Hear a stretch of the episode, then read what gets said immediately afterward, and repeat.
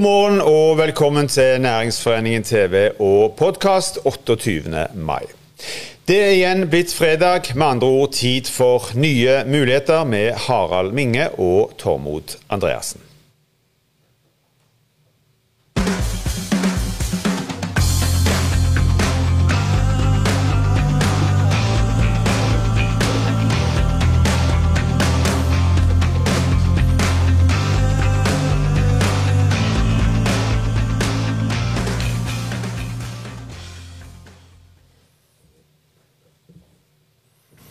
Hei, alle sammen. Da er det fredag igjen. Og det betyr jo at vi skal snakke om nye muligheter her i Næringsforeningen. Mens Equinor er i ferd med å sette nye verdensrekorder med ekstreme pionerprosjekter innenfor fornybar energi, skape mange tusen nye arbeidsplasser, så får vi høre fra kritikerne at olje- og gassnæringen eh, bruker fornybar som en flørt, som et ferniss for å pynte på seg sjøl og til falsk profilering. Men faktum er jo at eh, denne næringen til de grader har satt seg i førersetet for det grønne skiftet. I dag foregår beviselig en enorm forskyvning eh, i investeringene i olje- og gasselskapene fra olje og gass og inn mot fornybar energi, hvor fornybarandelen blir stadig større. I dag skal vi altså snakke om Equinor, som er eh, Europas største skattebetaler det siste eh, eh, tiåret. Og eh, vi skal snakke litt om hva de holder på med eh, for tida, egentlig. Spesielt innenfor fornybarsektoren. Og Da har jeg lagd meg en liten liste, og nå gjelder det å følge med i svingene. For dette er ikke ting som skal skje en gang i tida, dette er jo ting som skjer i dag. OK, havvind. USA. I januar 2021 ble Equinor tildelt tidenes største kontrakt for havvind i USA, og skal forsyne delstaten New York med havvindkraft. BP er med som partner. Doggerbank. Her har Equinor bestilt verdens største turbiner til verdens største havvindpark. Total utbyggingskostnad 65 milliarder kroner i de to første fasene. Og tenk på hva dette genererer for eh, annen industri og leverandørene. Hywind Tampen, verdens største flytende havvindpark. Under utbygging akkurat nå med elleve flytende vindmøller som skal forsyne Gullfaks og Snorrefeltene med fornybar kraft. Skal kutte store utslipp, som altså tilsvarer 100 000 personbiler. Dessuten så har Equinor tatt uh, havvindposisjoner i uh, Argentina, i Japan og i Korea, og flere står altså i loopen. Som sagt, dette skjer i dag. Karbonfangst og -lagring. 40 ulike prosjekter. Putte CO2-en tilbake igjen der den kom fra. Fange karbon. Injisere den tilbake i reservoarene i eh, Nordsjøen. Batterifabrikker. Før jul kom Equinor på banen sammen med Hydro og Panasonic og sa de skulle bygge en stor eh, batterifabrikk i Norge. Hydrogen internasjonalt og nasjonalt. Mange store eh, prosjekter. Og selvfølgelig olje og gass, som er basisen fortsatt, og som er teknologieventyret. Og hvor Equinor akkurat har lagt bak seg det som nå har vært Nord-Europas aller største industriprosjekt i sin tid, og går nå i gang med det som vil være eh, Europas største industriprosjekter de neste, i dette tiåret, som er Noaka og som er Wisting-feltet så legger altså Equinor opp til en vekstrate årlig på 30% innenfor fornybar energi, og skal altså bli en, stor og er allerede en stor global aktør på dette området.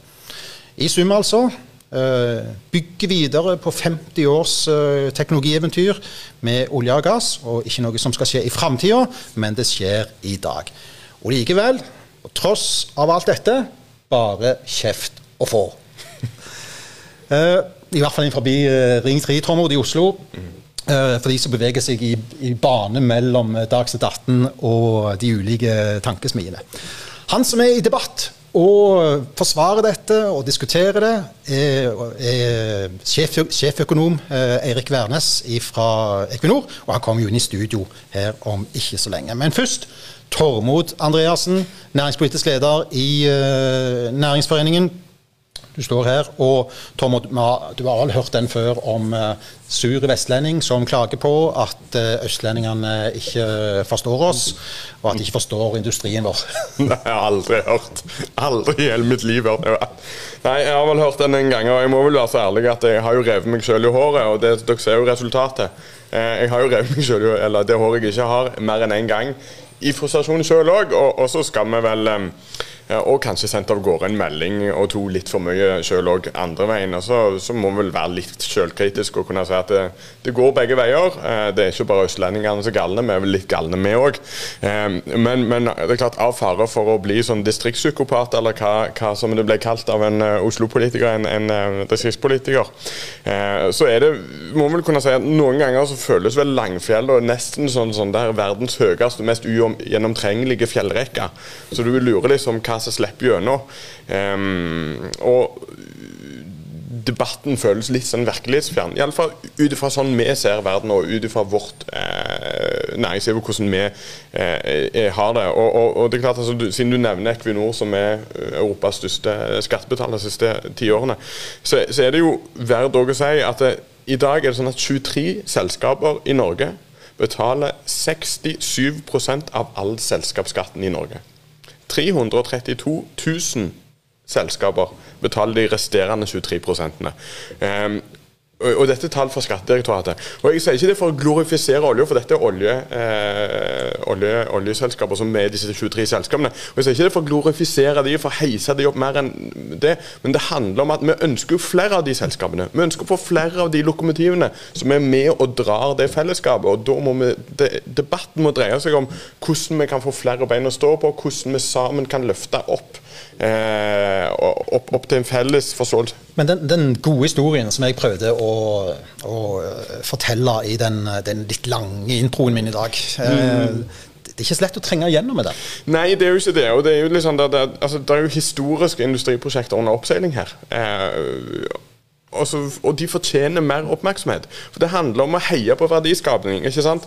Eh, og så er det liksom, Du føler kanskje at det er nesten sånn arrogant neglisjert i, eh, i andre nyheter som vi kanskje ikke føler er så viktige. Eh, og så er det selvfølgelig en, en, en, en, en sånn modifikasjon. For eksempel, når var det sist en stor reportasje i nasjonalt medium om Hydro Aluminium sitt pionerprosjekt på Karmøy? Når hørte dere om eller For noen år siden så var det et selskap i Rogaland som gjorde Norges største fastlandsinvestering. Men ingen snakket noen gang om den fastlandsinvesteringen. Det selskapet het Lyse, og prosjektet het Lysebotn 2. Det var ingen som snakket om det. De nyhetene må vi òg få frem. Og det er jo det som er kanskje liksom denne store suksesshistorien som heter energihovedstaden. Når vi bruker kompetanse fra olje og gass, vi bruker det fantastiske fagmiljøet som er i den regionen, og bruker eh, kapitalen og sånne til å lage nye løsninger, til å snakke om havvind, til å snakke om hydrogen, til å snakke om ammoniakk, til å snakke om CCS osv. Nå kunne jeg egentlig fortsette ganske lenge. Eh, for det er jo det som setter oss i førersetet. Det snakker om verdiskaping, arbeidsplasser, fremtida, omstilling. og Det er jo det som egentlig er i ferd med å skje. og Det er den debatten, det er de sakene jeg ønsker å ha frem i media. Vi håper i hvert fall at uh, historien er i ferd med å gjenta seg. Det ser sånn ut. Vi står jo i et nytt veikryss.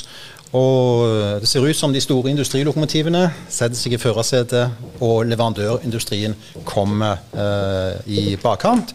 Og nå får vi jo eh, besøk av et industrilokomotiv. Eh, Eirik Wærnes, sjeføkonom i Equinor, velkommen i studio. Veldig kjekt å, å se deg. Og vi har jo masse spørsmål. og, og, jeg tenker vi kommer til å konsentrere oss om to ting. Det er jo nå hva som faktisk skjer i Equinor, altså transformasjonen. Og ikke minst den debatten som uh, har vært uh, i det siste, veldig mye knytta opp mot den nye IEA-rapporten. Men hvis vi nå skrur tida ett år tilbake så, så er det klart uh, vi var i en ganske kritisk situasjon for næringen. Vi hadde kombinasjonen av en oljepris som sank som en stein, og pandemien. Og vi hadde investeringsstans, og alle satt og venta på at Stortinget skulle vedta på en måte skattepakken og skatteutlettelsen. Kan du beskrive litt den situasjonen, og kan du beskrive hva konsekvenser det stortingsvedtaket egentlig fikk for næringen? Ja, altså i, i likhet med, med mange av de andre støttetiltakene som ble, ble iverksatt i, i, i, fjor vår, så satt man jo og ventet på, på, tiltak fra myndighetene. Det gjorde man i alle land, også i Norge. Og, og Når det gjelder skattepakken, så var jo det viktigste hensikten med den er jo at man unngår en betydelig utsettelse av prosjekter, usikkerhet om fremtidig aktivitetsnivå, som jo er viktigst for leverandørindustrien.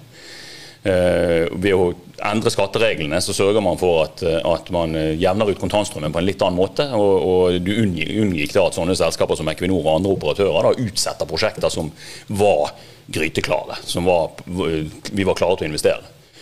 Eh, og det da, da, tar myndighetene den kostnaden i en periode, og så får de skattebetalingene tilbake. Og så var Det jo en lang, det har jo vært en lang diskusjon om den pakken er for kraftig eller for sterk, eller hva det er. Men, men poenget her var jo å unngå en veldig bratt nedgang i etterspørselen etter tjenester fra leverandørindustrien. Syns du at det virker? Og det har klart, åpenbart virket. Ja. Det er klart det har virket. Så har vi jo fått en hjelp også av at av at kontantstrømmen i selskapene er jo blitt bedre enn det man fryktet i april i fjor. Eh, oljepris og, og, gasspris har jo kommet opp igjen eh, raskt.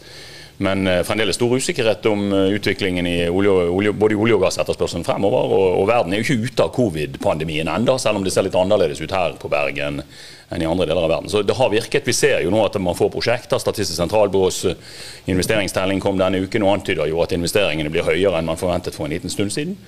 Og Det betyr jo at man da bruker denne kontantstrømseffekten som dette er, at du får noe bedre kontantstrøm til å begynne med, og så må du leve med litt dårligere kontantstrøm senere. Det er jo det som er effekten av denne skatten. Vi hadde kanskje ikke sett så mange prosjekter da. Eh, nå er det vel en sånn med smått og stort en, en 40 prosjekter i løpet av 2021 og 2022. Ja. Men uten pakken så hadde gjerne ikke dette Nei, det, det, ville definitivt vært færre prosjekter som kom så raskt, og som bidro da til å opprettholde aktivitetsnivået i leverandørindustrien. Så jo, alltid, Selvfølgelig er det dosert riktig. Bekymringen kan jo være plutselig at, at etterspørselen etter, aktiv, etter, leveranser blir for sterk, ja.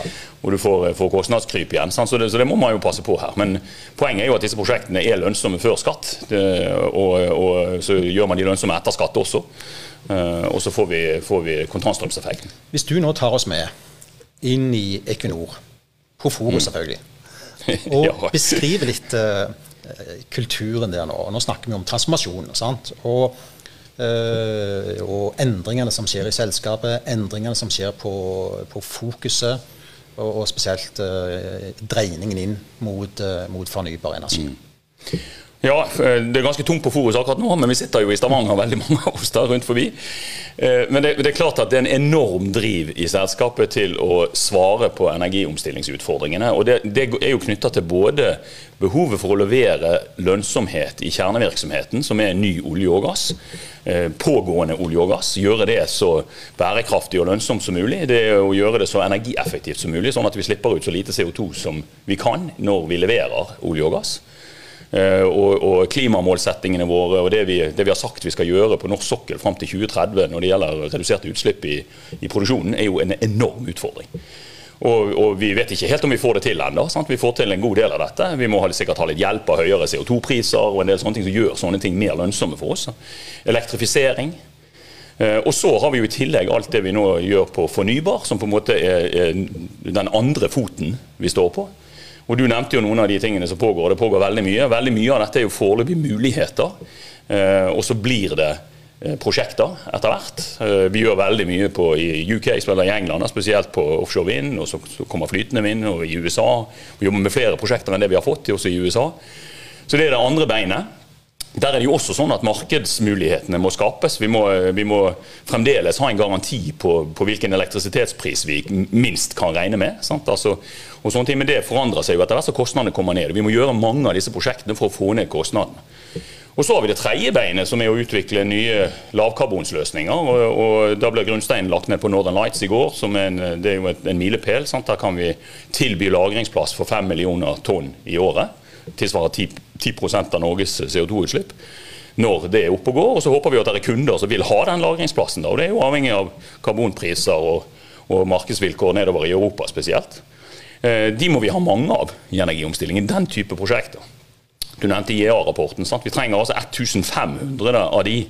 Det er ca. 3-4-5 prosjekter per måned fra nå til 2050 globalt.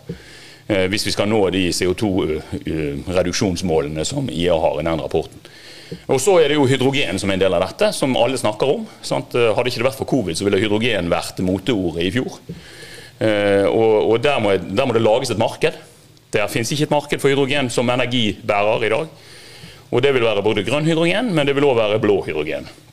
Som er da gass, basert på gass med karbonfangst og -lagring. I IEA-rapporten så er nesten 40% av den hydrogenen som de tror vi må levere i 2050, hvis vi skal nå det netto null-målet, nesten 40 er produsert ved hjelp av gass. Så Det er også en kjempemulighet for de som har gass og kan CCS. Alt dette holder vi på med hele tiden. Det var et langt, det var et langt spørsmål òg. Ja, det var det. det, det men det er fordi vi gjør så mye. men, men, men, altså, bare for å ta det siste først. Altså, du nevnte denne IEA-rapporten, som, som, jo eh, fikk mange til å sette kaffen i, i, halsen. Både på den ene og den andre måten, kanskje eh, fordi den var så uventa. Senest i november så var det jo en sånn IEA-rapport som, som, som, sa noe om at eh Som sa noe om at eh, en skulle fremdeles trenge olje og gass om det en kunne eh, altså, Plutselig skifta det. Det var et ekstremt sånn markant skifte. Og, og, altså, er det en helomvending fra IEA? Er det nye folk som er ansatt, eller hva, hva er det som har skjedd? liksom?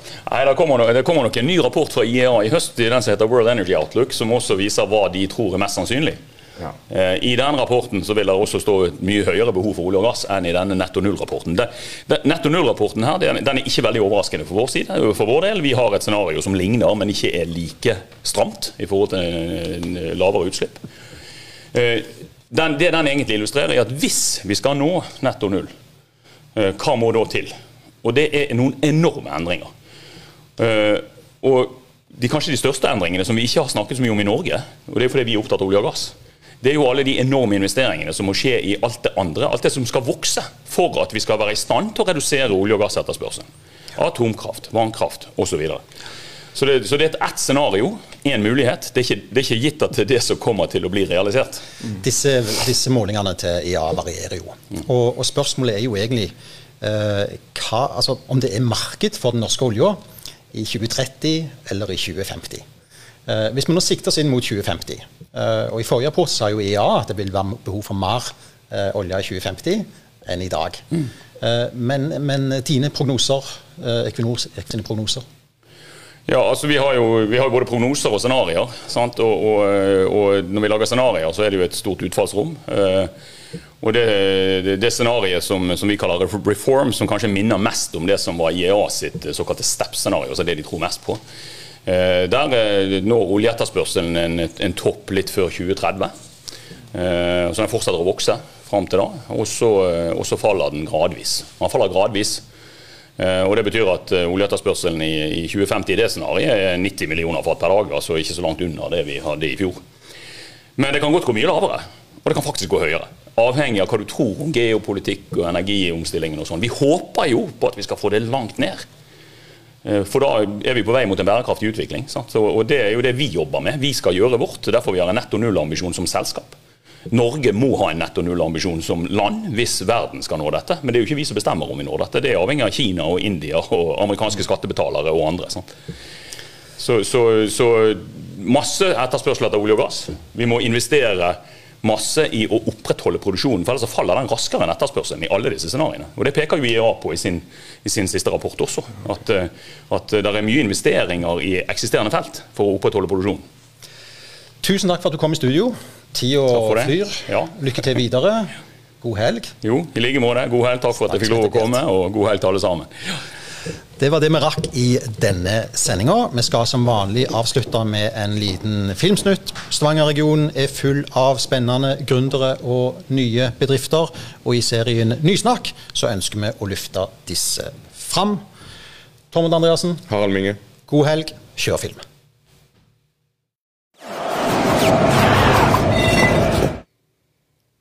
Hei, jeg heter Vorian, og det er jeg som har skapt Henge. er en ny social plattform der du kan treffe andre og gjøre kul saker. Jeg har med meg et fantastisk team og flere investorer. Og vi er inkubator hos Validé og så har vi fått støtte fra Innovation Norge. Har du någonsin hatt lust til å gjøre noe nytt? Hitta på noe annet, få litt inspiration og treffe nye mennesker som deler dina intressen og värderingar? Ja, då är hänga någonting för dig. Om du har en passion som du har lust att dela med andra. Det kan vara vinsmakning eller gå på tur, se på fåglar eller spela schack. Ja, precis vad som helst. Då lägger du upp det som ett event på Hänga. Och medlemmarna i Hänga, de kan hitta fram till dig baserat på deras intressen och värderingar. På samme sätt så kan bedrifter, små lokala bedrifter lägga upp sina event i Hänga och visa fram sina produkter och tjänster. Och du kan hitta fram till dem med. Det är enkelt. Du skapar en profil, du söker upp ett event eller så lagar du ditt eget.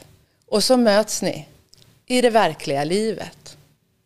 Som Investor, tänk vad det här kommer ta av när pandemin är över. Så om du har lust att vara med på vårt tåg, då ska du kontakta mig.